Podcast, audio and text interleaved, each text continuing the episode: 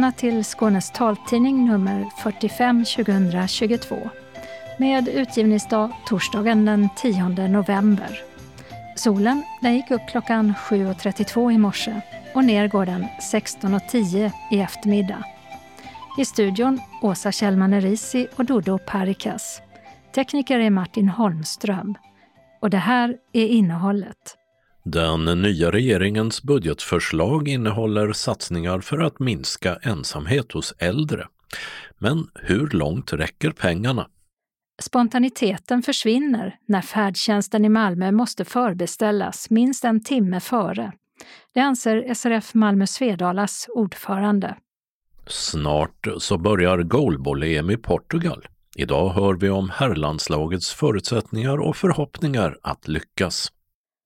SRF i Halmstad är kritiska mot att gatlyktorna tänds senare och släcks tidigare. Kan dansare syntolka sig själva?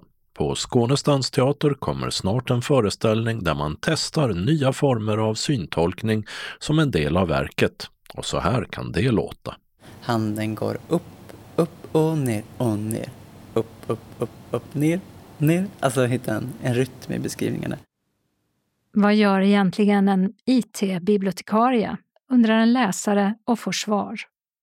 Mat, dryck och ödet spelar huvudrollen i månadens talbokstips från Stadsbiblioteket i Helsingborg.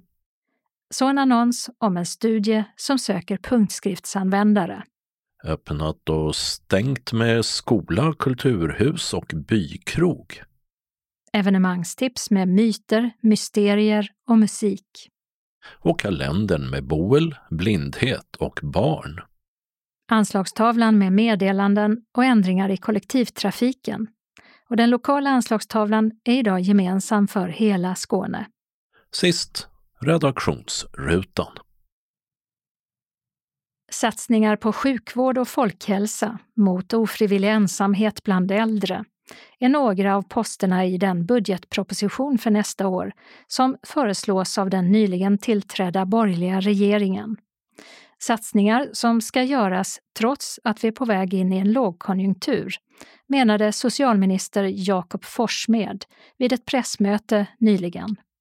Inom ramen för detta är jag glad för att vi idag kan presentera betydande satsningar på att både förbättra sjukvården men också på att satsningar för att möta och förebygga ohälsoproblem. Vilket bland annat ska göras via pengar för att bryta ofrivillig ensamhet bland äldre. Kommuner och regioner ska dra igång så kallade äldresamtal och hälsosamtal med äldre som inte har hemtjänst eller särskilt boende. Socialminister Jakob Forssmed igen. Vi föreslår också att ytterligare medel avsätts till civilsamhällets arbete för att bryta ofrivillig ensamhet. Och vi beräknar under 23 till 25 75 miljoner kronor årligen för detta ändamål. Och civilsamhälle som begrepp omfattar ju till exempel ideella organisationer.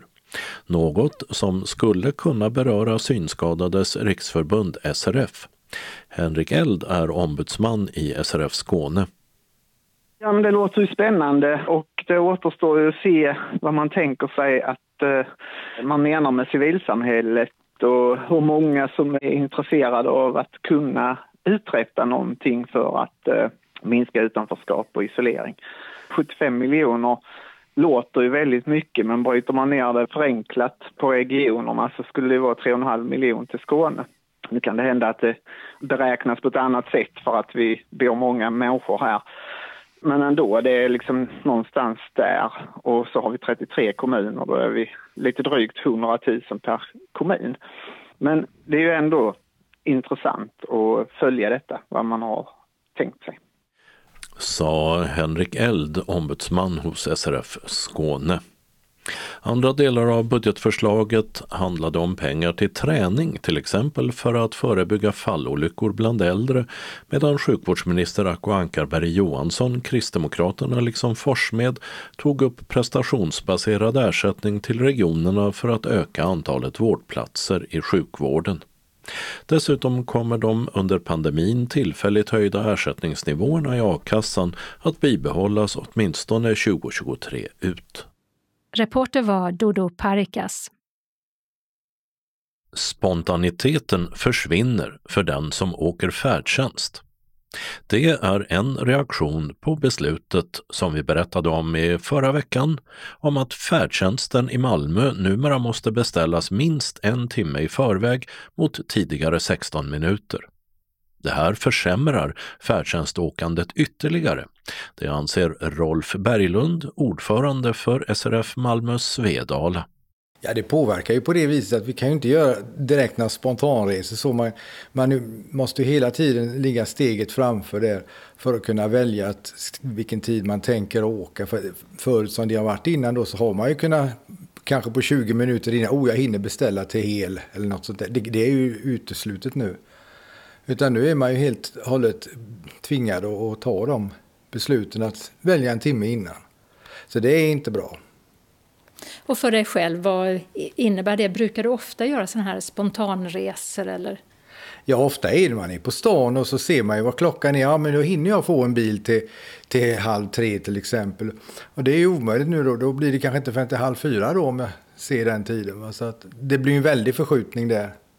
Det, det beställer till det för mig. Det var i tisdags i förra veckan som Andreas Schönström, som är socialdemokratisk ordförande för tekniska nämnden, tillika kommunalråd i Malmö, beslutade att förlänga förbeställningstiden för färdtjänstresor till 60 minuter. Och samtidigt kan avresan förskjutas till en kvart före och en kvart efter den beställda tiden. Och det gör planeringen för de som ska åka färdtjänst än svårare, menar Rolf Berglund. Det har jag inte råkat ut för ännu, så det vet jag inte hur det kommer att fungera. Men det måste ju också ställa till problem, för antingen kommer man inte i tid till det man ska, eller också kommer man jättetidigt. Så är det svårt att planera helt enkelt också? Ja, absolut. Det är jättesvårt. Har du själv kommit på någon, eh, något sätt att ta dig ut och ta dig fram när det är så här?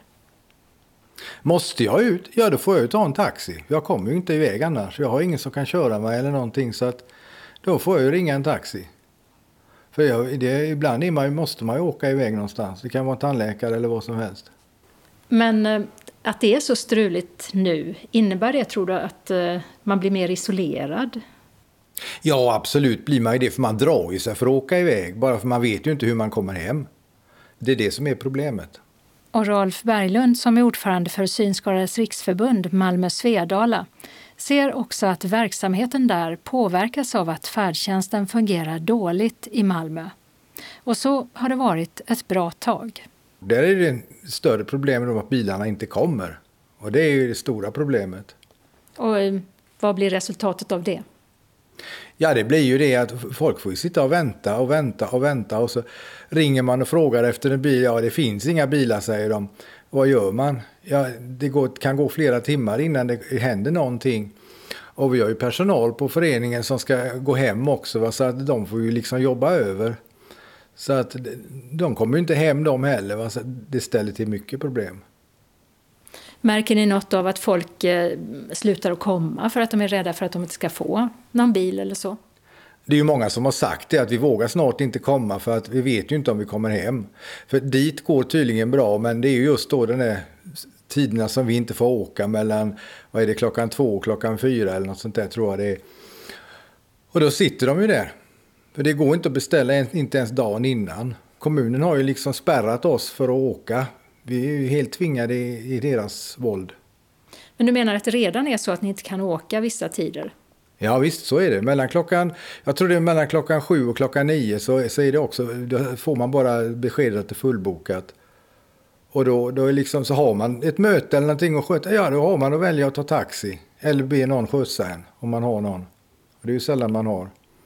Men även om du är ute i god tid och beställer till mellan sju och nio?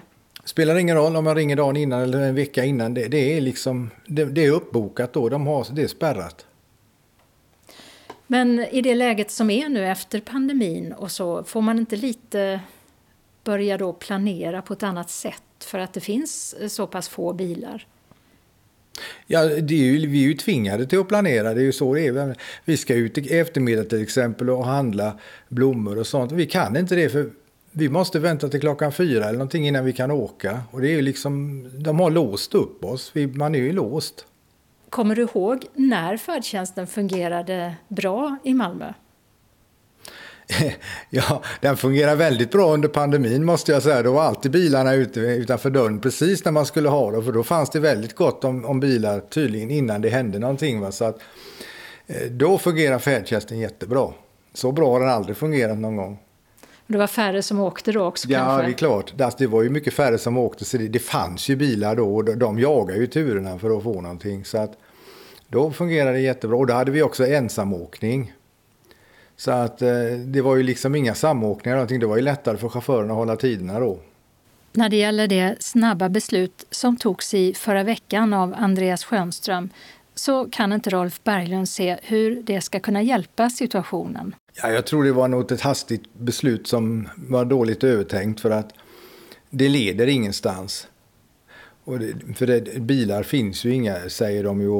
Och det är klart, det, chaufförerna är väl kanske inte så intresserade av att köra färdtjänst heller för de är ju rätt så dåligt betalda jämfört med skolturer och sånt. De, de har ju en helt annan ersättning på dem. Och då är det samma bolag som ska köra båda också. Så blir det därför vi drabbas. Så hur skulle man gjort? Ja, jag tror man ska riva upp avtalet. Jag tror det hade varit det allra bästa. Det sa Rolf Berglund som är ordförande för SRF Malmö Svedala. Och I förra veckans nummer intervjuades Andreas Schönström, socialdemokratisk ordförande för tekniska nämnden i Malmö, om det snabbt fattade beslutet. Reporter var Åsa Kjellman Erisi. På måndag börjar goalbollens B-EM i Portugal och det svenska herrlandslaget ska dit för att förhoppningsvis kvala upp till A-EM igen. För att göra det behöver de ta medalj. I gruppspelet väntar Storbritannien, sen Grekland, Israel och Spanien. Och om allt går vägen, en final lördag den 19 november. Men målsättningen är att klara sig kvar i B-EM, säger den assisterande förbundskaptenen Stefan Gane. Vår målsättning är eh, given att, att vi ska stanna kvar i BEM. Det är vår grundmålsättning. Och sen är det ju så som det är så jämnt inom goalbollen idag så alla lag kan ju i princip slå alla nästan. Spelarna ni har till förfogande Felix Rosvall, Oskar Alverstedt, Olof Friberg från Göteborg, unga spelare. Veteranerna Mikael Åkerberg och Piotr Lavnichak från Stockholm. Och så Ludvig Nilsson från Bjärred och FIF Malmö. Vi har ju en härlig mix mellan eh, gammalt och ungt. Och eh, vi har en bra kvalitet i laget, tycker jag, generellt. Många av de här unga spelarna har kanske inte haft så bärande roller förut. Eh, och nu är ju alla är ju väldigt viktiga i vårt lag liksom, för, att, för att vi ska kunna leverera på en bra nivå. Så det handlar mycket om att bygga rutin och erfarenhet av att kanske tävla på sådana här tävlingar. Det är ju lite tuffare att åka på ett mästerskap ju rent, rent mentalt än vad det kanske är att tävla en, en helg i FIF-hallen till exempel. Så att det, är ju, det blir en lite annan, an, annan roll som vissa spelare kanske får än vad de haft tidigare. Men vi, vi har en bra trupp. Vi har en väldigt hög högsta nivå. Eh, vår stora utmaning som vi jobbar med det är att ha en bra, eh, en eh, bra lägstanivå. Om man tittar bakåt så var ju svensk herr goalball med dig bland annat som spelare då. Eh, väldigt bra under 2000-2010-talet och spelade bronsmatch i Paralympics i Rio 2016. Och sen eh, slutade spelare och gick knackare och ni har varit nere i CEM eh, och vänt och är nu uppe i BEM. Och så har ni bytt ledare också. Hur går det arbetet? Ja, nej, men det går jättebra. Vi, under våren då så slutade vår tidigare förbundskapten eh, Annika Klingström. Eh, och sen så har vi jobbat febrilt med att få in nya ledare, ny ledare helt enkelt. Och eh, då hade vi turen ju att eh, vi lyckades hitta Magnus Wislander då, gamla ham handbollslegendaren som, eh, ja, som ville kliva in som förbundskapten. Och det är jättekul. Och sen så har jag tillsammans då med Soltan Sabo från Malmö som också har en lång erfarenhet inom goalball. Vi har fungerat som assisterande tränare här då till Magnus för att han ska få en bra resa in i den här nya idrotten för honom. Eh, och det, jag är väldigt imponerad av de kunskaper som, som han redan har tagit till sig. Eh, det är många saker som har gått mycket snabbare än vad jag kunde föreställa mig. faktiskt. Så det är jättekul. Så jag tror att det här kommer bli superbra. Och det har redan blivit väldigt bra, men jag tror att det kommer bli ännu bättre. Så det är jättekul. Motståndet ni har att spela mot Storbritannien, Grekland, Israel och Spanien. Vad säger du om det? Det är en väldigt jämn grupp där det känns som att alla lag kan slå alla. Vilket gör såklart att ett mästerskap kan bli väldigt tufft. Eh, såklart. Men det känns ändå som att eh, Grekland åkte ner från A. Eh, de har väl ändå visat en ganska stabil nivå under ganska lång tid. Eh, och de andra lagen har väl varit lite både upp och ner. Precis som vi själva delvis har varit. Att vi har levererat jättebra i någon match och sen lite sämre i en annan match. Och, och där, ja, men jag tror att det handlar om att ha en bra lägstanivå. Då tror jag att vi kommer kunna, eller vi kommer inte kunna, vi kommer utmana alla de här lagen, det är jag helt övertygad om. Mm. Grupp A, den andra gruppen, om ni tar det vidare, så finns Portugal, Bulgarien, Finland, Polen och Danmark. Vad säger du om den gruppen? Eh, det är en jämn grupp också. Det jag skulle säga är den stora skillnaden mot den gruppen, för det är ju så att det är tio lag med på BM. Det känns som att nio av de här tio lagen, där kan egentligen alla slå alla. Även om några kanske har levererat lite bättre på senare tid såklart, lite jämnare. Men det enda laget egentligen på pappret som, som vi tror kommer få det svårt är ju Bulgarien. Eh, alla andra lag är ju... Ja, men det, det, när lagen spelar riktigt bra så håller de väldigt hög nivå. Eh, men sen handlar det om att hitta den där höga nivån så många gånger som möjligt. Så det kommer bli, jag tror att det kommer bli ganska jämnt i den gruppen också. Och för Sveriges del, finns det någon nyckelmatch som du ser det? Nej, alltså vi har pratat om att ta en match i taget eh, och försöka leverera en bra prestation och hålla en hög nivå i vårt försvarsarbete och eh, framförallt vårt försvarsarbete. Och det tror vi kommer, kommer vara en, en nyckel. Och sen så gäller det såklart att få till offensiven också. Eh, men framförallt så känns det som att vi vill gärna ha en bra start på tävlingen. För det är ju så att det är ett mästerskap, varje match är väldigt viktig. Och får man en bra start på tävlingen så känns det, det är lite lättare då att spela nästa match. Så jag skulle säga den matchen mot England, att premiärmatchen, att det är, en, det är en viktig match som det känns som att där vill vi starta bra och få en bra känsla med oss i övriga matcher. Sa Stefan Garne, assisterande förbundskapten för herrlandslaget i goalball och innan dess mångårig spelare i både landslaget och klubblaget FIF Malmö. Sverige spelar sin första match tisdag den 15 november och den sista gruppspelsmatchen den 17. Den som är uppkopplad kan följa Sweden Goalball på Instagram eller Facebook. Reporter Mats Sundling. Flera kommuner sparar på elen genom att i olika omfattning släcka gatubelysningen. I Halmstad kritiserar SRF kommunen för deras beslut att eh, gatlyktorna ska släckas tidigare och tändas senare på dagen för att spara el. Till tidningen Hallandsposten säger Göran Sonesson, ordförande i SRF Halmstad, att han befarar att fler synskadade kommer att dra sig för att gå ut på eftermiddagar och kvällar. Och Sonesson fortsätter. Det är vid de tiderna som mest folk är i rörelse, föreningsmässigt och så vidare, med mycket aktiviteter på kvällen. Tänder man för sent så minimeras ju möjligheten att ta sig dit och det blir mindre aktivitet i föreningar. Och även i en del kommuner i Skåne sparar man in på gatubelysningen för att spara energi. I Höganäs har kommunen sedan några veckor tillbaka börjat genomföra sitt beslut att släcka var tredje gatlykta. Något som vi berättat om här i Skånes taltidning tidigare. Och i Helsingborg har man beslutat att justera tiderna för gatubelysningen så den är tänd 30 till 60 minuter kortare per dygn. Hur beskriver man dans? Ja, man kan sätta ord på dansrörelserna eller rent av tvärtom dansa fram orden. På Skånes dansteater kommer snart en föreställning där ljudet är lika viktigt som det visuella och syntolkningen blir en del av dansen. Den heter Snacka med 17 icke-professionella dansare över 60 år och koreografi av Sindri Runudde som själv lever med en synnedsättning. Och så här beskriver han det som väntar publiken. Alltså en översköljning av ord och beskrivningar är väl på något sätt målet. Och ett annat mål är att göra någonting vackert och härligt. Att jobba mycket med en typ av resonans mellan kroppar och mellan ljud och orden och beskrivningarna och, och låta dem gå parallellt i rummet. Det kommer vara mycket improvisation och samtidsdans. 17 fantastiska röster och, och kroppar i rummet. Uh, alltså det är lite experiment. Vi provar väldigt mycket nytt här. Det är första gången jag har en så stor grupp men ett mål är väl också att skapa någon slags anatomisk symfoni i rummet kanske. Ja. Eh, beskrivningar, är det syntolkningar då av vad varje dansare gör? Eller? Alltså det är väl eh, precis, alltså ordet, ibland kallar det för syntolknings-soul. Jag börjar leka med det så att, att, att kunna på något sätt så här, ta inspiration från soulmusik eller musik överlag där man så här, ja, men lever ut ljudet och wailar eller liksom sjunger med olika längre toner. Eller sjunger från hjärtat, jag vet inte. Liksom, blanda ihop det med soul som är själ, att också ge alltså, själ till syntolkningen som i att den också får leva sitt eget liv.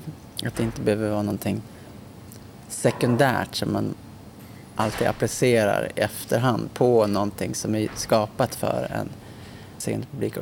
Så det är väl en del, liksom, hur, kan, hur kan syntolkningen bli ett konstnärligt uttryck i sig själv? Mm. Ja ja. för du har valt att inte ha en syntolk som sitter och eh, berättar i hörlurar för publiken utan det här ska vara självgestaltande. Är det så man skulle kunna säga det? själva dansen och dansarna talar. Ja, dansarna, dansarna talar och dansen talar. är det vi håller på att utforska nu i studion. Eh, och hur en kan göra det, hur man kan göra det. Eh, och då är det väl en blandning för mig av att det ska kunna vara roligt och snyggt. Eh, konstnärligt utifrån dansarnas egen smak och utifrån min och Martas smak som gör föreställningen funktionellt så att vi på något sätt ger en helhetsbild av det vi gör när vi pratar. För minnesgoda läsare och lyssnare av Skånes taltidning. I våren 2014 var det Månadens ansikte här och berättade om hur det var att dansa utan att se. Mm. Eh, hur är det att koreografera andra? Hur håller du koll på vad alla gör i rummet om du är nöjd med vad som händer? Eller om någonting behöver ändras? Um, återstår att se. det är ju första veckan och det är ju så många i gruppen. Och så det, det, får vi ju se sen på scenen och hur noggrann jag vill vara eller hur detaljrik eller perfektionistisk jag vill bli. I, men sen improviserar jag mycket så det, det kommer bli olika varje gång. Eh, jag har ganska mycket syn kvar så att jag kan titta ur de synvinklar som jag vill titta på. Sen frågar jag dem. De gör mycket ljud själv så att jag vet vad de gör för att jobba med ljud de beskriver en del av det de gör. De kan också, ja nej men det handlar väl också om att jag litar på dem, jag ger dem en uppgift. Och så har jag en tillit till att de gör det på sitt sätt utifrån sina förutsättningar. Och typ så, så jobbar vi också en del med beröring och, och så. Mm. Det är några mm. veckor kvar. Hur mycket plats finns det för förändringar? Hur långt har ni kommit? Hur färdigt känns det som det är? Jag ser på det lite så här att vi har så väldigt lite tid. Eller liksom, det är en superlyx för mig att få vara med så många och få, ha, få den här möjligheten. Liksom, för att som frilansare, koreograf, då har du, skulle du aldrig ha råd att, att ha en så stor grupp. Så på ett sätt är det mycket tid och på ett sätt är det lite tid. Men vi ses ju tolv gånger så, att, så därför försöker vi att liksom bara panga på nu med, med övningar och med att strukturera framförandet på en gång. Men samtidigt har vi ju bara jobbat en vecka så vi har ju väldigt mycket kvar att prova. Men vi har också utgått ifrån från ljudet väldigt mycket och musikaliteten och den auditiva resonansen i rummet. Så har jag och Marta, då, kompositören, vi har ändå kunnat göra liksom en ram, ett ramverk och en struktur nu innan vi träffade dem. Så att vi har liksom redan liksom en ljudlig karta över hur vi vill framföra det här. Och då ska vi bara se till att det funkar på, på ett snyggt sätt. Ljud, är det musik? Alltså, hur låter det? Ljud, det kommer vara allt ifrån så här, äh, toner och början på bokstäver som kanske är lite oklart och abstrakt. Alltså o, a, a, k, s, f.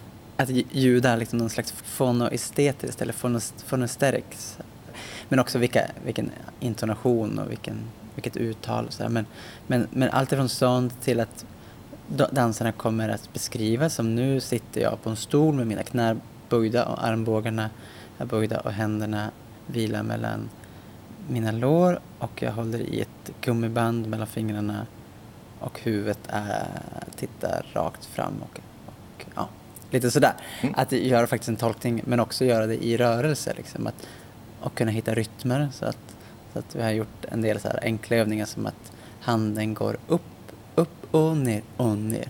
Upp, upp, upp, upp, ner, ner. Alltså hitta en, en rytm i beskrivningarna. Och så ska vi också prova att sjunga men, men jag vet inte om jag vill sjunga. Sjunga nu, vi vet inte helt vad vi ska sjunga. Men eh, sjunga beskrivningar också. Mm. mm. Och så kommer det bli bakgrundsmusik som Marta gör. Ja. Det sa Sindri Runudde om den kommande och kanske då självsyntolkande föreställningen Snacka som han koreograferat tillsammans med kompositören och ljudsättaren Marta Forsberg. Reporter var Mats Sundling. Så har vi fått en fråga från en nyfiken läsare, Christer H Persson i Helsingborg, som undrar följande apropå vårt eh, tidigare reportage från Nobelminglet på Ystad stadsbibliotek, där IT-bibliotekarien Ingrid Borg var med. Christers fråga lyder Vad är och gör en IT-bibliotekarie? Och Ingrid Borg hon svarar så här i ett mejl till taltidningen. Jag jobbar mycket med IT-frågor, är systemansvarig för vårt bibliotekssystem och vår webbplats biblioteksso.se samt håller i en del internutbildningar för vår personal. Jag ser det till så att vi har bra datorer för kollegor och besökare och att databaserna är relevanta. Tillgänglighet för synskadade ingår till viss del i arbetet genom att vi försöker göra vår webbplats så tillgänglig som vi kan och där är jag delaktig. Vi har sedan en tid tillbaka en funktion under rubriken Lyssna som inte bara innebär att man kan få sidan uppläst utan man kan även göra andra inställningar för att få webbsidan mer läsbar. Detta har jag jobbat en hel del med att få till. Sen försöker vi även arbeta med våra webbsidor så att vi använder rätt kodning och beskrivning av bilder med mera så att sidan blir begriplig. Här har vi mycket kvar att göra, men vi försöker i alla fall, avslutar Ingrid Borg, IT-bibliotekarie på Ystad stadsbibliotek. Från ett bibliotek till ett annat. För om mat och dryck, både i form av skönlitteratur och i fackboksform, blir det en hel del av i november månads talbokstips. Men vi börjar med vad en mer än 90-årig dam med brokigt förflutet hade att säga en dansk psykologiprofessor. Talbokstipsare är Charlotte eller Lotta Berling och Elin Hansson Petersson på Helsingborgs stadsbibliotek. Lotta Berling först. Vi blir det liv vi lever, en berättelse om ödet av eh, Sven Brinkman. Det är en talbok med text och den är under produktion och beräknas vara färdig i mitten av november. Men det finns också andra böcker av Sven Brinkman som redan är inlästa om man vill läsa dem medan man väntar. Och Sven Brinkman han är en eh, känd dansk professor i psykologi och han har skrivit flera uppmärksammade böcker, bland annat eh, anti-självhjälpsboken Stå fast, som är en av mina personliga favoriter. Han förespråkar bland annat plikt och eftertanke och han ifrågasätter nutidens fokus på ständig utveckling både privat och i arbetslivet. Det här är den senaste av hans böcker som har översatts till svenska. Den utgår från eh, 93-åriga Lilis livshistoria. Och Lili är en av Sven Brinkmans trogna läsare och en dag så får han ett handskrivet brev av henne. Hon vill bland annat diskutera mänsklig värdighet med honom. Och det blir början på en vänskap, först via brevväxling och sen börjar de också träffas hemma hos Lili och samtala. Och hos Sven föds idén att skriva en bok utifrån det han kallar Lilis livsväv. Han skriver bland annat om hur allt faktiskt inte beror på oss själva, eftersom individen också föds in i ett sammanhang och är sammankopplad med andra människor och historiska händelser som vi inte själv kan välja. Vi får också ta del av ett stycke dansk historia. Lili var nämligen tonåring under Tysklands ockupation på 1940-talet och hon blev en så kallad tysketös. Alltså en som hade förhållanden med tyska soldater. Och de här kvinnorna dömdes hårt efter kriget och fick utstå mycket, något som såklart också har präglat Lili. Sven Brinkman skriver eh, lättillgängligt och klokt och det är alltid intressant att läsa hans tankar kring hur vi kan leva meningsfulla liv. Han anser dessutom att läsning av skönlitteratur har en mycket viktig plats i detta och det får han förstås extra pluspoäng för. Om jag fattar det rätt så är en av hans eh, kärntankar här alltså att eh, vi kan inte påverka allt och att det finns ett öde på sätt och vis för oss alla. Ja, han menar i alla fall det här att det finns ett sammanhang som vi föds in i. Att det liksom finns eh, en hel väv av händelser där vi inte kan påverka allting själv och gå lite emot den här populära tanken med att du alltid själv kan förändra ditt liv och välja ditt eget öde. att, han säger inte att vi är helt maktlösa men han säger också att det finns en motvikt till det. Och också att allting ligger inte på oss själva. Vilket också kan vara skönt. Och en ny tipsare, Elin, Elin vadå? Elin Hansson Petersson heter jag. Och vad börjar du med? Jag börjar med en roman av Carolina Ramqvist, hennes senaste, som heter Bröd och mjölk. Och den finns som talbok med text och punktskrift. Och den är sex och en halv timme lång och inläst av Lena Lövenborg. Och jag tänkte börja med ett litet citat ur boken. Mat är kärlek. Människor säger det hela tiden. Jag hör det allt oftare numera och jag vet att det är sant. Men för mig betydde det också att kärlek var mat. Och i den här romanen så är det maten som står i centrum. Eller kanske snarare så är det relationer mellan mödrar, mormödrar och döttrar som står i centrum. Men det är genom maten som de här relationerna berättas. Och Bröd och mjölk handlar om ett eh, kvinnligt berättarjag som ser tillbaks på sin barndom och sin relation framförallt till sin mamma och mormor genom olika sorters matminnen. Och en tydlig kontrast mellan mamman och mormor finns. Hemma hos mamma är kylskåpet sällan välfyllt. Mat ska gå snabbt att laga, helst inte lagas alls. Flickan äter knäckebröd och fil ensam hemma i lägenheten medan mamman är iväg och jobbar eller går på dejt. Och hos mormor är maten varm och gräddig och tar lång tid att tillaga. Och hon står ständigt i köket och hon rör sig sällan utanför hemmets sfär. Och berättarjaget hon minns särskilt en risgrynspudding som mormor brukade laga till henne. Och när hon nu i vuxen ålder vill laga samma rätt till sin egen dotter så vill dottern till hennes besvikelse inte ens smaka. Och det här rör upp stora känslor inom berättarjaget. Här hade hon trott att eh, risgrynspuddingen skulle utgöra en länk mellan den nu döda mormorn och hennes egen dotter. Och istället så finns det bara en tomhet. Och tomhet det är ett begrepp som berättarjaget ofta återkommer till. Där tomheten i lägenheten och tomheten efter mamman som har gått iväg fylls med mat. För flickan vet att när mamman steker pannkakor så kommer mamman åka iväg på kvällen och hon kommer lämnas ensam kvar hemma. Och hon tänker att om hon avstår från att äta pannkakorna så kommer mamma stanna hemma ikväll. Men det är omöjligt att låta bli när de ligger där i en prydlig hög på köksbänken. Perfekt runda och sockrade. Och berättarjagets förhållande till mat är dubbel. Det är njutning men också tvång. Och det är den här eh, dubbelheten som romanen utforskat på ett intressant sätt. Och jag tycker att Bröd och mjölk den väcker många tankar om vilken roll som mat spelar i våra liv. Och även hur människan fyller tomrum i sig själv när relationer brister. Lotta ska fortsätta med en eh, bok om kemi, eller kanske inte? Elin hon har ju lite mattema på sina tips och eh, den här skulle kunna passa in där också.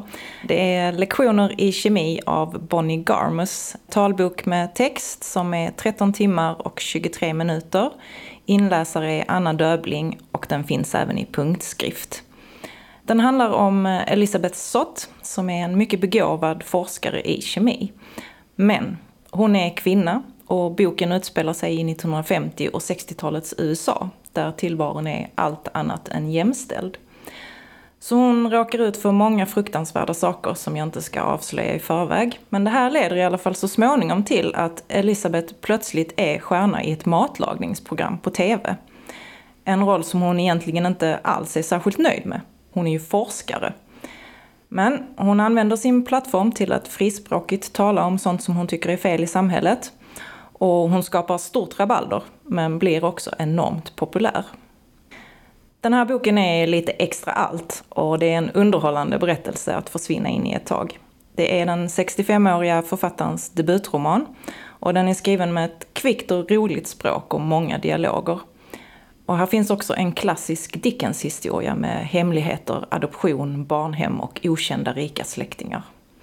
Och jag tänkte läsa ett eh, citat ur boken och det är när en reporter besöker inspelningen av Elisabeths matlagningsprogram Middag klockan sex. Under en reklampaus vände han sig mot kvinnan bredvid. Hoppas att du inte har något emot att jag frågar, sa han artigt och visade sin pressbricka. Men vad är det du gillar med programmet? Att bli tagen på allvar.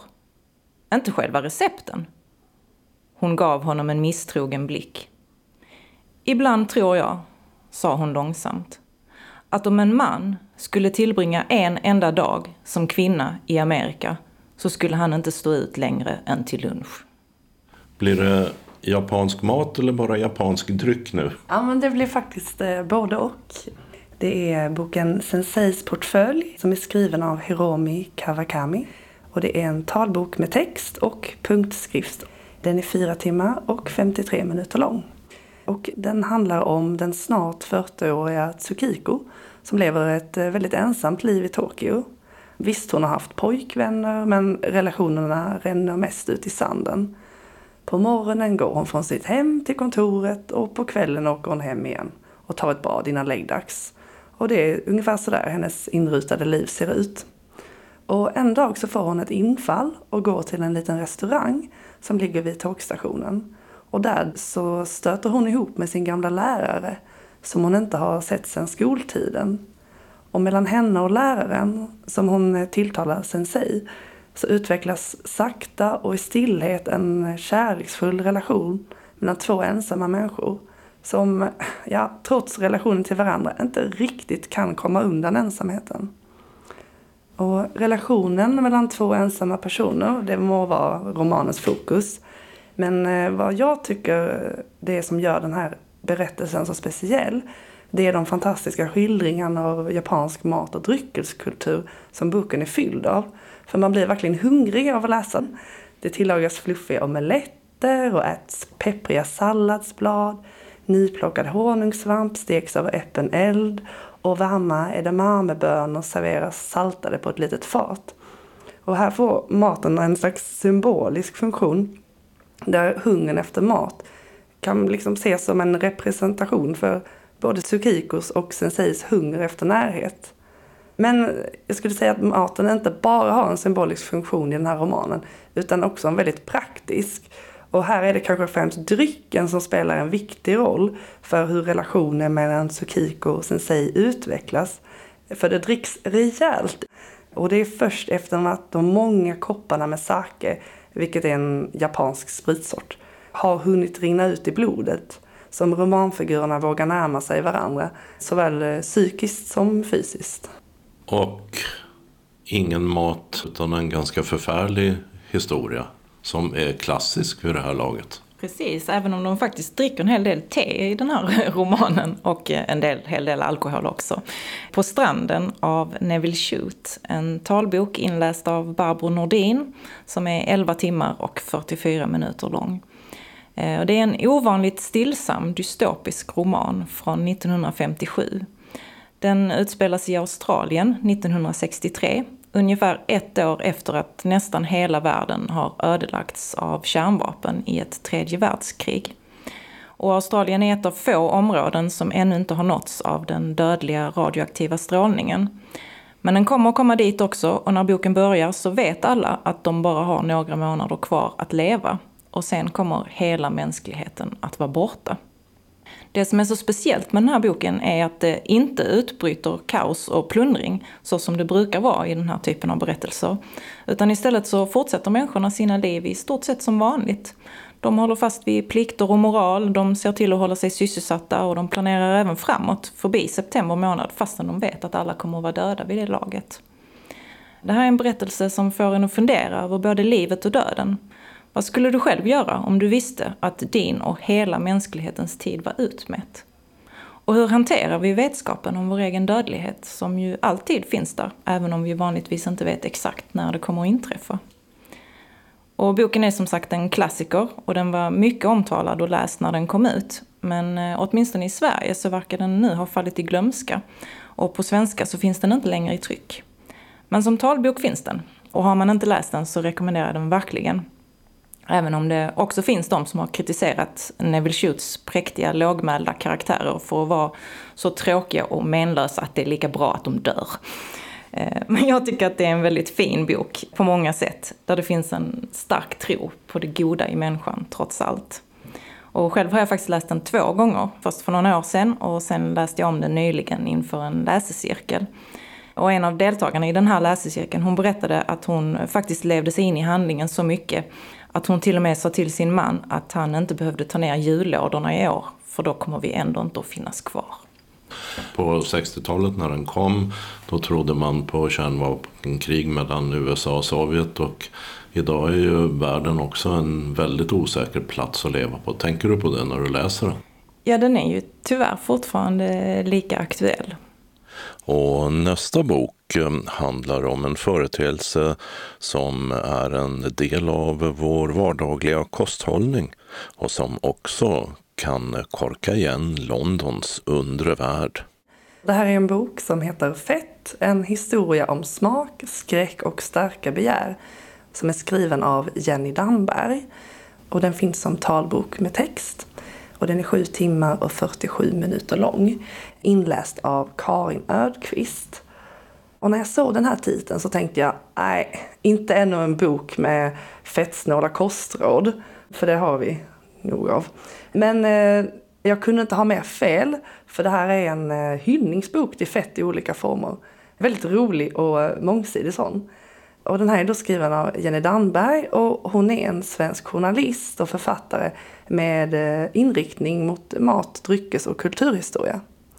Och i bokens inledande kapitel så berättas historien om hur ett gigantiskt fettpropp i Londons kloaker orsakad av frityrolja och annat fett som människor hällt ut i vasken engagerar en hel värld och där delar av detta fettberg till och med hamnar på museum. Och fettberget, det är en bild som eh, Damberg håller som en röd tråd genom boken. Som en slags eh, representation av människans något komplicerade förhållande till fett.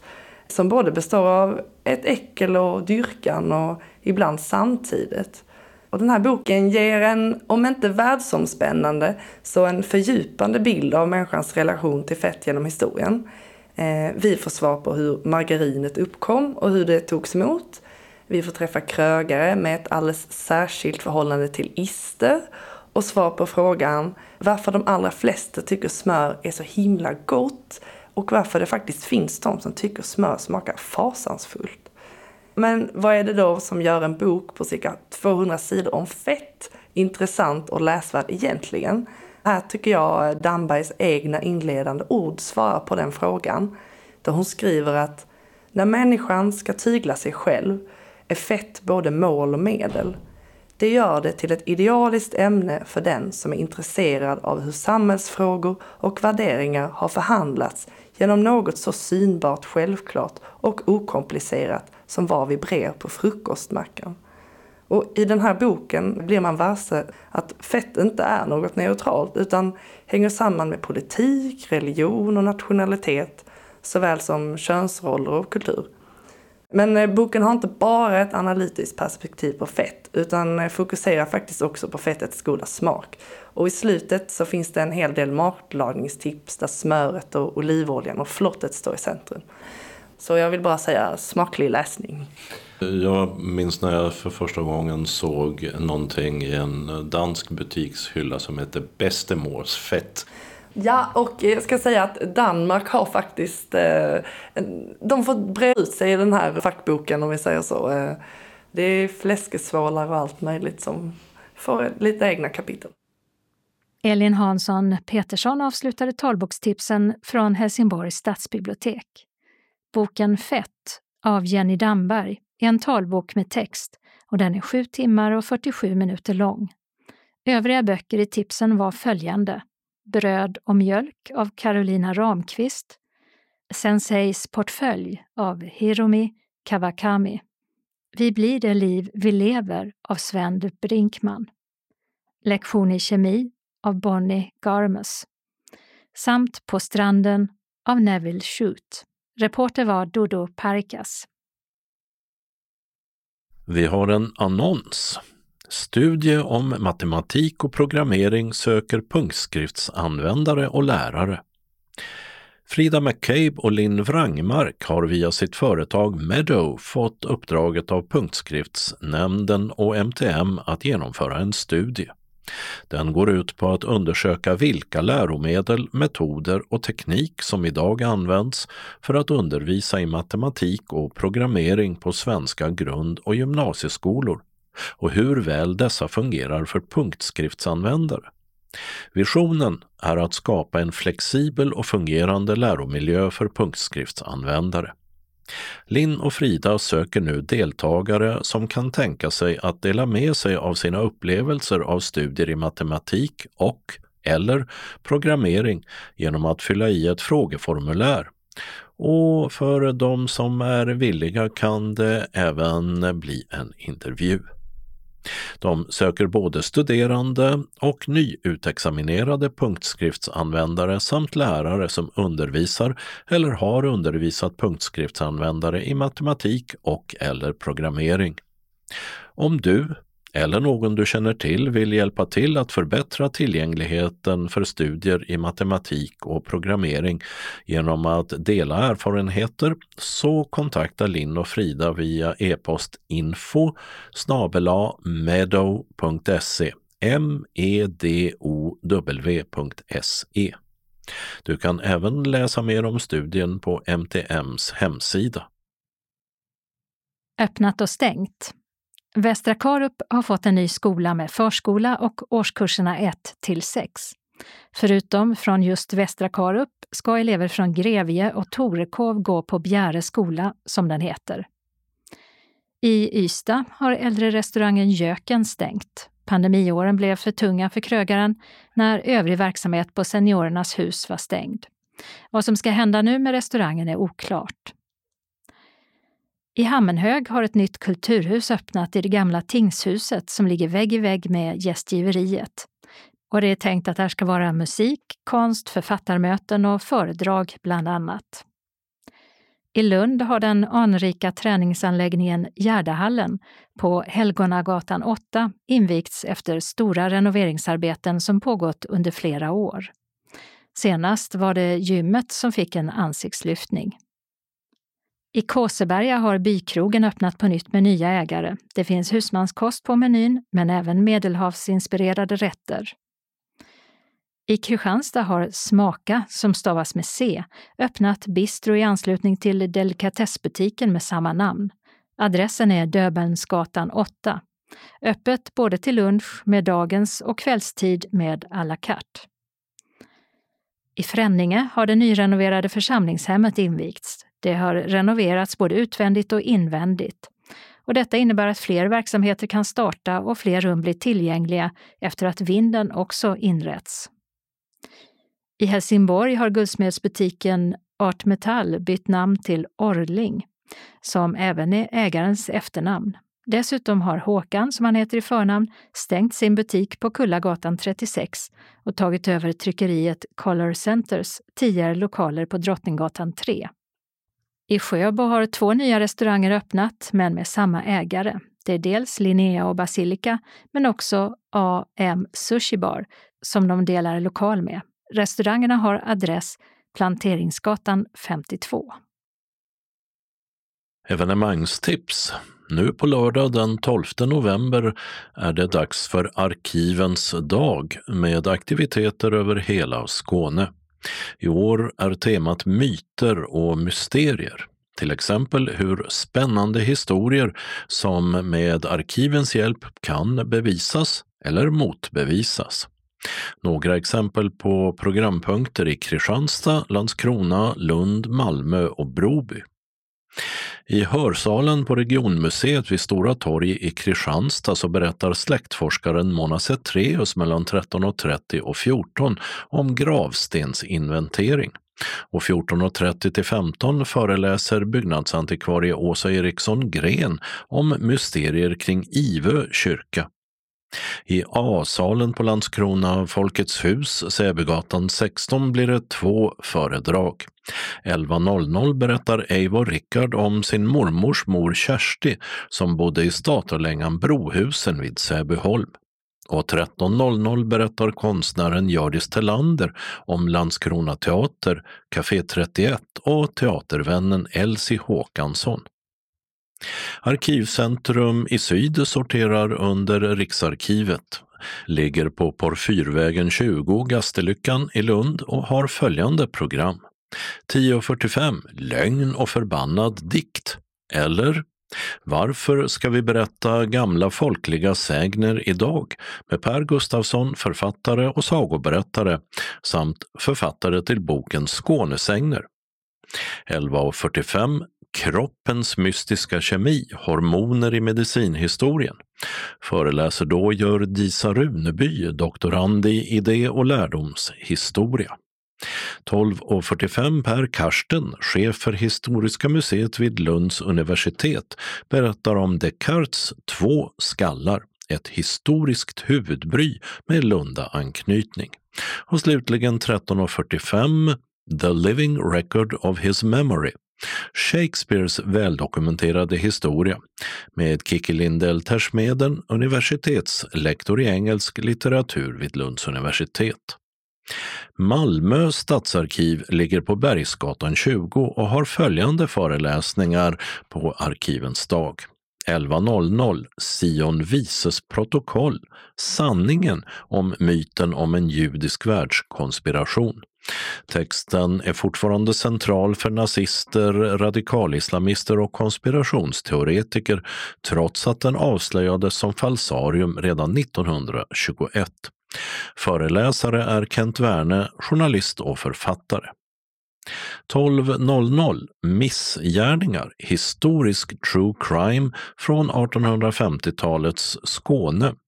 Arkivarien och författaren Petra Nyberg berättar om sin roman som heter just Missgärningar.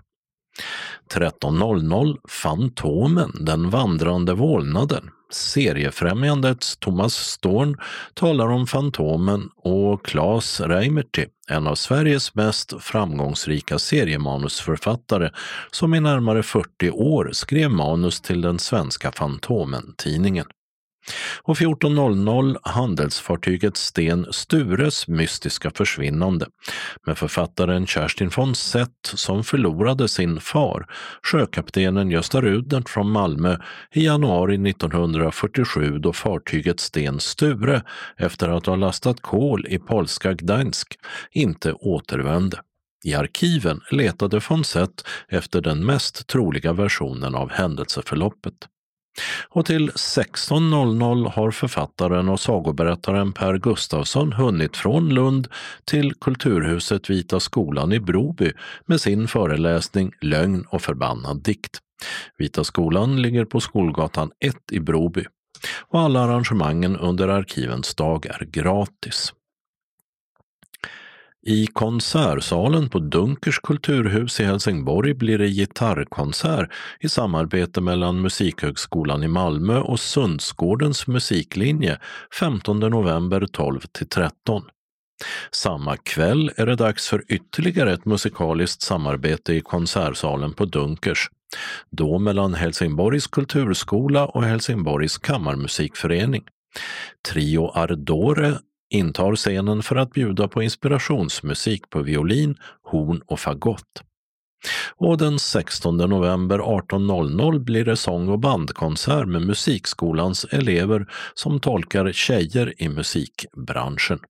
Det är fri entré till alla de här evenemangen på Dunkers, men till kvällskonserten den 15 november krävs en biljett som avhämtas i entrén. Thomas Andersson Vis konsert på The Tivoli i Helsingborg den 10 november har vi tipsat om tidigare. Men artisten och låtskrivaren besöker även Slakthuset bakom Malmö centralstation 16 november 19.30. Biljetterna kostar 495 kronor via Slakthuset och Eventim. Rullstolsplats måste bokas hos Eventim på telefon 0771 130 150 och konserten äger rum i Slakthusets teaterlokal.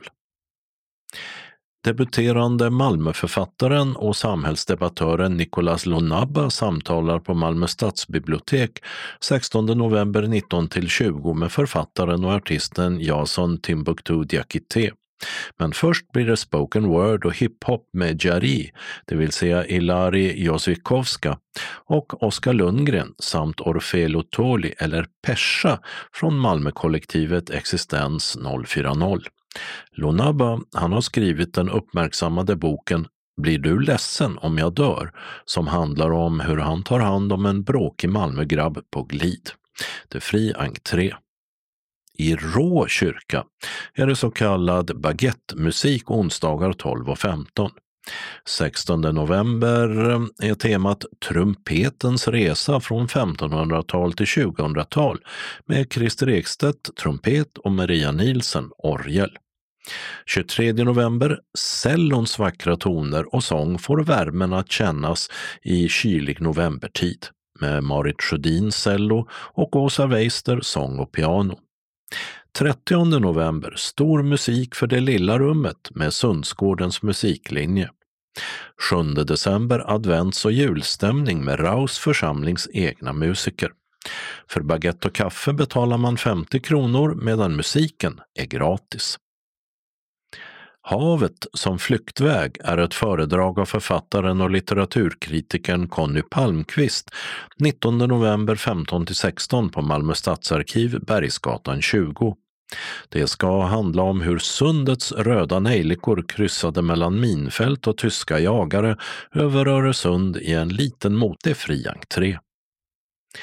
Hästveda kyrka får besök av musiker från Rio de Janeiro i Brasilien 19 november 17 18. Bartolomeo Vise, gitarr och Paulo Sa, mandolin, spelar kammarsamba, en subtil och svängig blandning av samba, brasiliansk folkmusik och klassisk musik. Det är fri entré. Medverkar gör även ackordionisten Lars Holm och vissångaren samt kompositören Sven Kristersson. Biljettinformation Tixter, telefon 0771 47 70 70.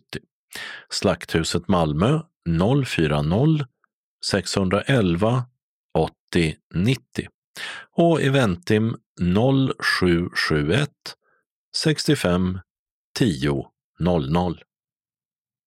Kalendern för vecka 46 börjar med måndagen den 14 november som är Emils och Emilias namnsdag.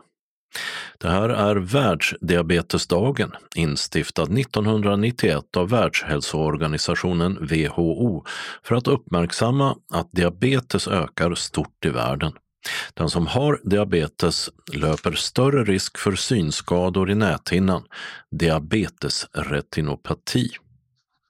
115 år har gått sedan författaren Astrid Lindgren föddes och eftersom hon var smålänning är det en händelse som ser ut som en tanke att detta även är ostkakans dag.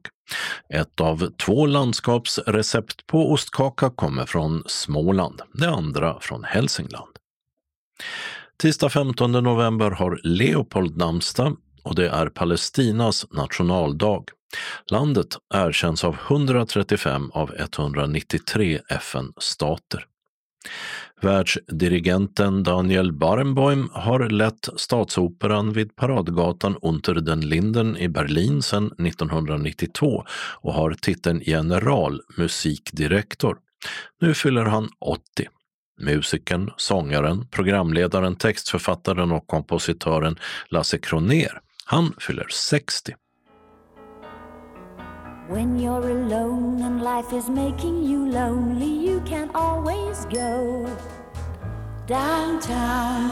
When you've got worries, all the noise and the hurry seems to help, I know. Downtown, just listen to the music of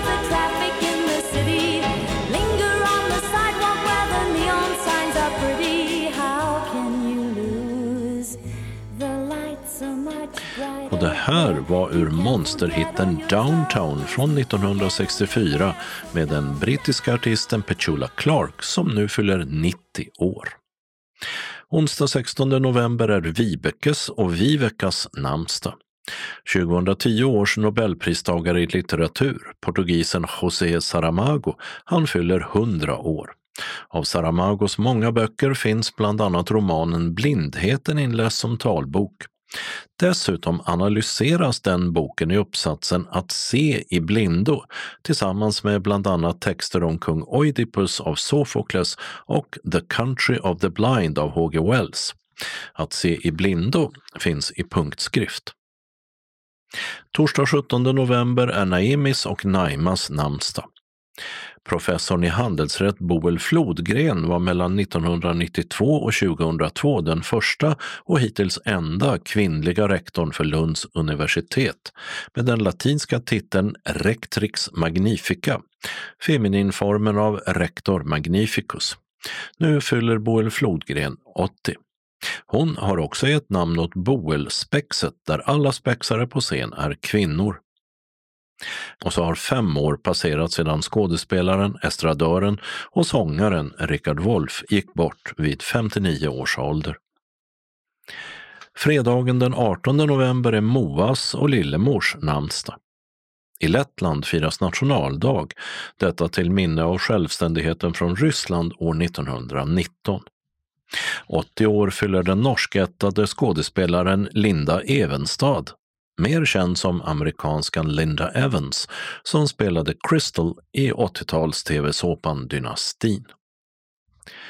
Lördag 19 november infaller flera internationella dagar. Dels är det världsdagen mot barnmisshandel som förhoppningsvis ska öka medvetenheten om och förebygga övergrepp mot barn. Dessutom är det världstoalettdagen som uppmärksammar behovet av säker sanitet och värdiga hygienförhållanden. Och så är det internationella mansdagen som bland annat har som mål att lyfta fram positiva manliga förebilder och främja mäns hälsa. Under hela november månad pågår också Mustaschkampen som uppmärksammar prostatacancer och samlar in pengar till forskning om sjukdomen.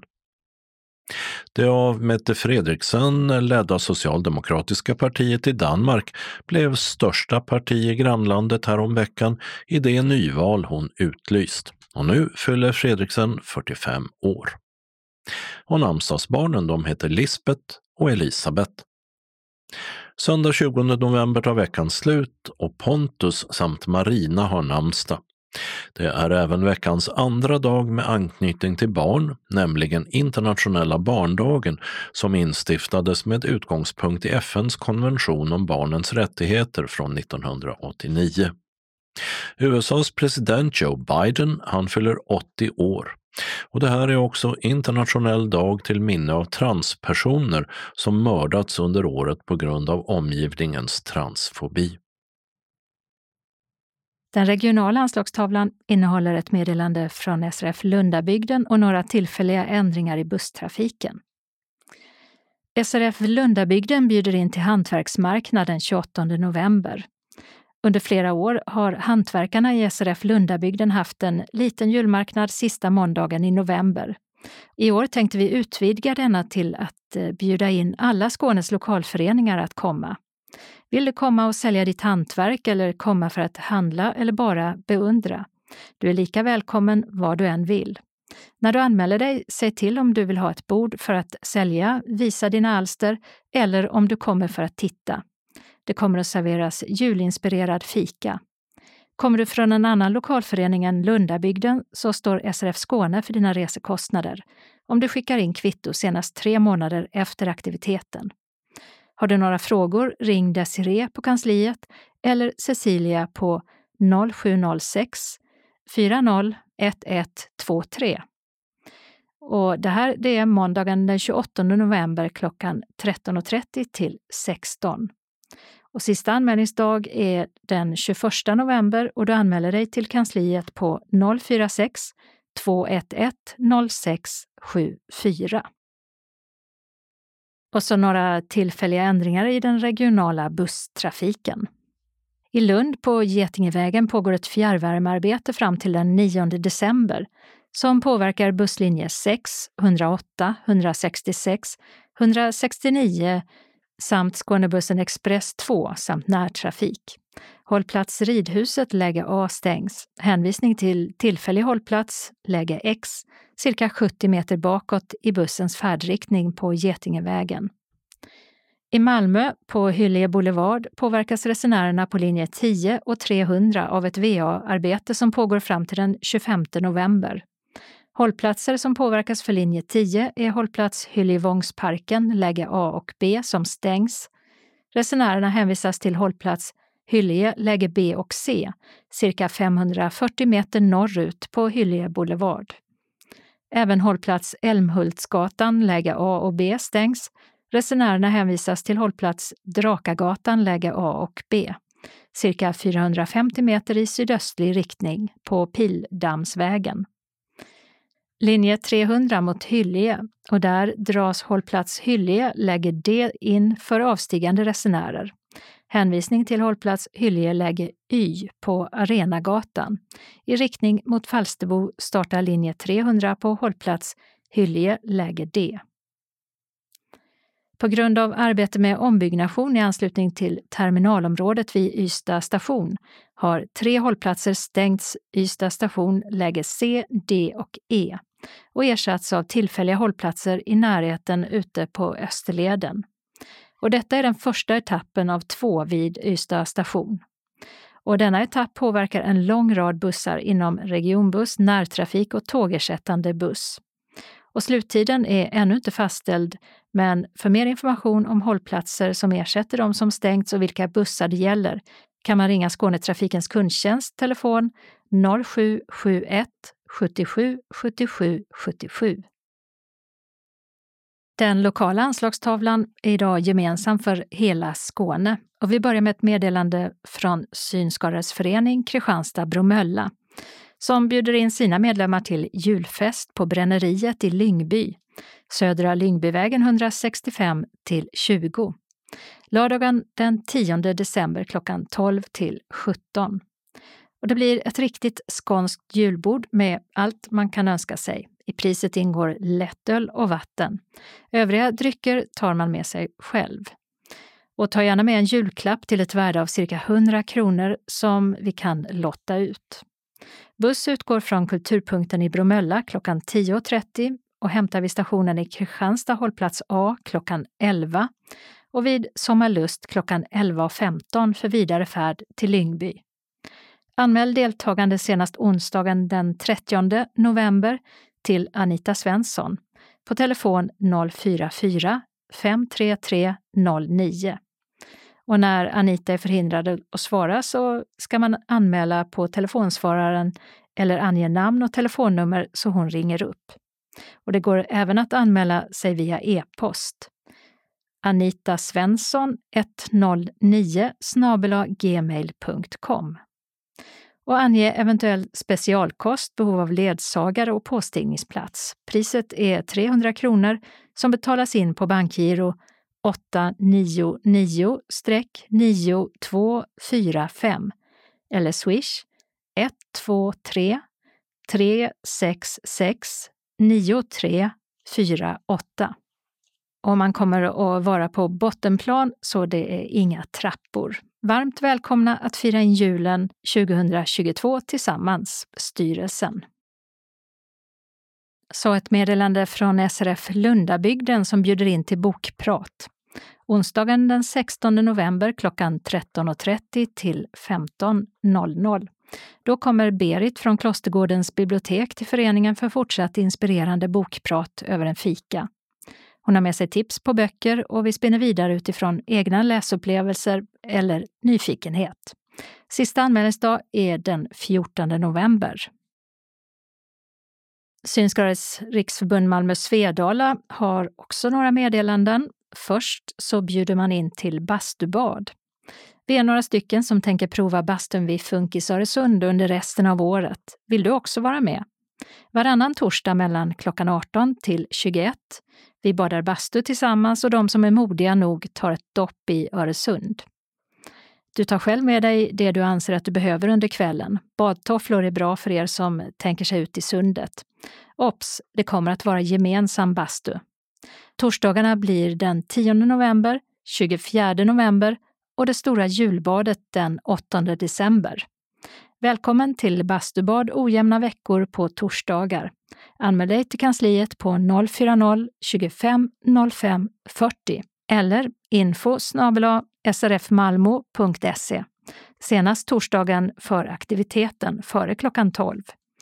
Ring Maj-Britt 070-324 66 09 om du fått förhinder eller har frågor. Välkomna hälsar styrelsen. SRF Malmö Svedala har också aktiviteter under vecka 46. Välkomna till SRF Malmö Svedalas dagverksamhet. Vi serverar kaffe och smörgås eller kaka till en kostnad av 10 kronor. Vi vill att alla anmäler sig till kansliet om man tänker komma på någon av dagaktiviteterna. Senast klockan 10 samma dag som aktiviteten. Känner man sig sjuk stannar man hemma. Ops! Under november kommer måndagsträffarna att vara på onsdagar. Tisdagen den 15 november klockan 13 till 15.15 15, bingo. Onsdagen den 16 november klockan 13 till 15 vi träffas och umgås med lite fika och diskuterar aktuella nyheter samt läser lite ur tidskrifter. Ibland hinner vi även med frågesport. Och så en kallelse. Styrelsen för Synskadades förening SRF Malmö Svedala kallar härmed till föreningsmöte. Mötet kommer att hållas måndagen den 5 december klockan 18 i vår lokal på Wendelsfridsgatan 13 i Malmö. Föreningen bjuder på kaffe och lite förtäring. Färdtjänst hem kan du beställa till klockan 20. Anmäl dig på telefon till kansliet eller mejl senast måndagen den 28 november. Glöm inte att meddela om allergier eller specialkost. Verksamhetsplan och budget för 2023 ska fastställas. Vill du ta del av förslag till verksamhetsplan och budget så tala om det när du anmäler dig. Hjärtligt välkommen hälsar styrelsen. Och så en inbjudan till julfest från SRF Sydöstra Skåne. Nu bjuder Sydöstra in till en härlig julfest på Husargården den 3 december. Det blir traditionell julmat serverad på tre tallrikar. Till maten finns vatten och lättöl. Vill man ha något starkare finns det att köpa. Vi börjar julfesten klockan 13 och äter gott och njuter av musiken fram till 16. Anders Hane spelar och sjunger julsånger för oss och vi sjunger naturligtvis med. Alla som kommer till julfesten får en julklapp av tomten. Adressen till Husargården är Hörbyvägen 301 15 275 91 Sjöbo. För er som inte har färdtjänst, ring Eva Cetreus så försöker vi ordna transport för er. Mobilnummer 0704 91 81 29. Anmäl dig senast söndagen den 27 november till Jonny Ekström på telefon 0739 09 3945 eller mejl jonny.ekstrom srfskane.se och han svarar också på frågor om evenemanget. Alternativt anmäl dig till Vicky Svedrell 0708 37 53 58. Mejl streponny gmail.com. Och julfesten kostar 200 kronor per person. Du betalar din avgift på bankgiro 5435-4303 eller swish 123 441 5071. Medlemmar som har reskostnader får dessa ersatta efter att vi fått kvitto och kopia på färdtjänstfakturan senast tre månader efter aktiviteten. Uppge vid anmälan om du har rullstol, rollator, egen ledsagare, ledarhund eller är i behov av särskild kost. Varmt välkommen till julfesten önskar styrelsen. Och så en inbjudan från SRF Västra Skåne till onsdagsträff. Onsdagen den 16 och 23 november klockan 13 till 15.30 i SRFs lokal Vaktgatan 3, Helsingborg. Fikaavgift 30 kronor, bingobricka 10 kronor per styck. Idag blir det bingo.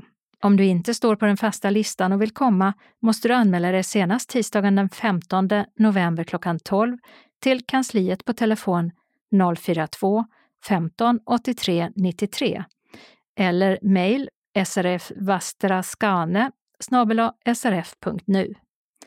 Om du står på den fasta listan behöver du bara meddela om du inte kan komma. Välkommen! och eh, en inbjudan från SRF Västra Skåne till julbord i Höganäs lördagen den 10 december klockan 13 till 16. Och adressen är Köpmansgatan 7 i Höganäs. Deltagaravgift 275 kronor för medlemmar och ledsagare. Fullt pris 550 kronor övriga. Sista anmälningsdag är måndagen den 5 december klockan 12 till kansliet. Program var och en tar sig dit på egen hand. Det blir julbord. I priset ingår en måltidsdryck såsom lättöl, julmust eller läsk. Glöm inte att anmäla dig i tid. Det är bättre att ha anmält sig och avboka än att komma i sista minuten med en anmälan. Antalet är begränsat till 30 personer. Efter gjord anmälan får du en inbetalningsavi. Välkommen! Och så en kallelse från SRF Ängelholm Båstad till medlemsmöte onsdagen den 30 november klockan 14 på Torgträffen, Gasverksgatan 25 i Ängelholm. På mötet ska det fattas beslut om verksamhetsplanen och budgeten för 2023. Val ska ske av auktoriserad revisor och valberedning. Föreningen bjuder på kaffe och äppelkaka med vaniljsås. PRO-kören Sångfåglarna underhåller. Förslag på ledamöter i valberedningen kan lämnas till någon i styrelsen. Boka hemresa till klockan 16.15. Anmälan senast måndagen den 28 november till Jan-Olof Asp på telefon 070-554 36 28 eller mejl jan-olof.asp outlook.com. Hjärtligt välkommen hälsar styrelsen. Och vi har också några tillfälliga ändringar i den lokala busstrafiken.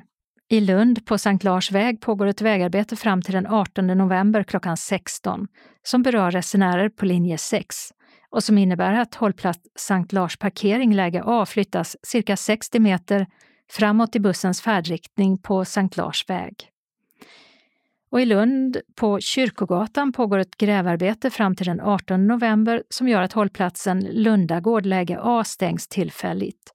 Och för resenärer på linje 2 och 4 hänvisas till en tillfällig hållplats läge X cirka 70 meter bakåt i bussens färdriktning på Kyrkogatan. I Malmö pågår renovering av farthinder på Nygårdsvägen fram till den 18 november, vilket påverkar linje 6 och den anropsstyrda linje 50. Hållplatser som påverkas för linje 6 är hållplats Klagshamn Nygårdsvägen, läge B, som stängts. Resenärer hänvisas till hållplats Nygårdsvägen, läge A, cirka 100 meter i nordöstlig riktning på Slättängsvägen. Hållplats Klagshamn, läge B, stängs. Resenärer hänvisas till hållplats Nygårdsvägen, läge A, cirka 470 meter österut på Slättängsvägen. Och i Malmö på Kalkbrottsgatan pågår ett vägarbete som påverkar linje 4 och 9 fram till den 23 december. Hållplatser som påverkas för linje 4 är hållplats Hyllie kyrkoväg, läge A och hållplats Götgatan, läge A, som stängs. Hänvisning till hållplats Limhamn centrum, läge A och dessutom stängs hållplats Sibbarpsvägen, läge A. Hänvisning till hållplats Hammars parkväg, läge A. För linje 9 stängs hållplats Limhamn centrum läge C och hållplats Hyllie kyrkoväg läge A samt hållplats Götgatan läge A. För resenärer till dessa hållplatser hänvisas till tillfällig hållplats Limhamn centrum läge B. Även hållplats Annetorp läge B stängs och hållplats Victoria Park läge B. Hänvisning till hållplats Kalkbrottet läge B på Annetorpsvägen. Och det här var allt för denna gång. Nästa nummer av Skånes taltidning kommer ut den 17 november. Skånes taltidning ges ut av Region Skånes psykiatri och habiliteringsförvaltning. Ansvarig utgivare är Martin Holmström. Postadress Jörgen Ankersgatan 12, 211 45 Malmö. Telefon 040-673 09 70. E-post Skanes taltidning skane.se och hemsida skanestaltidning.se. Observera att CD-skivorna inte ska skickas tillbaka till oss. Såväl skivor som kuvert kan läggas i brännbara sopor när ni inte längre vill ha dem. Vi hörs igen. Hej då!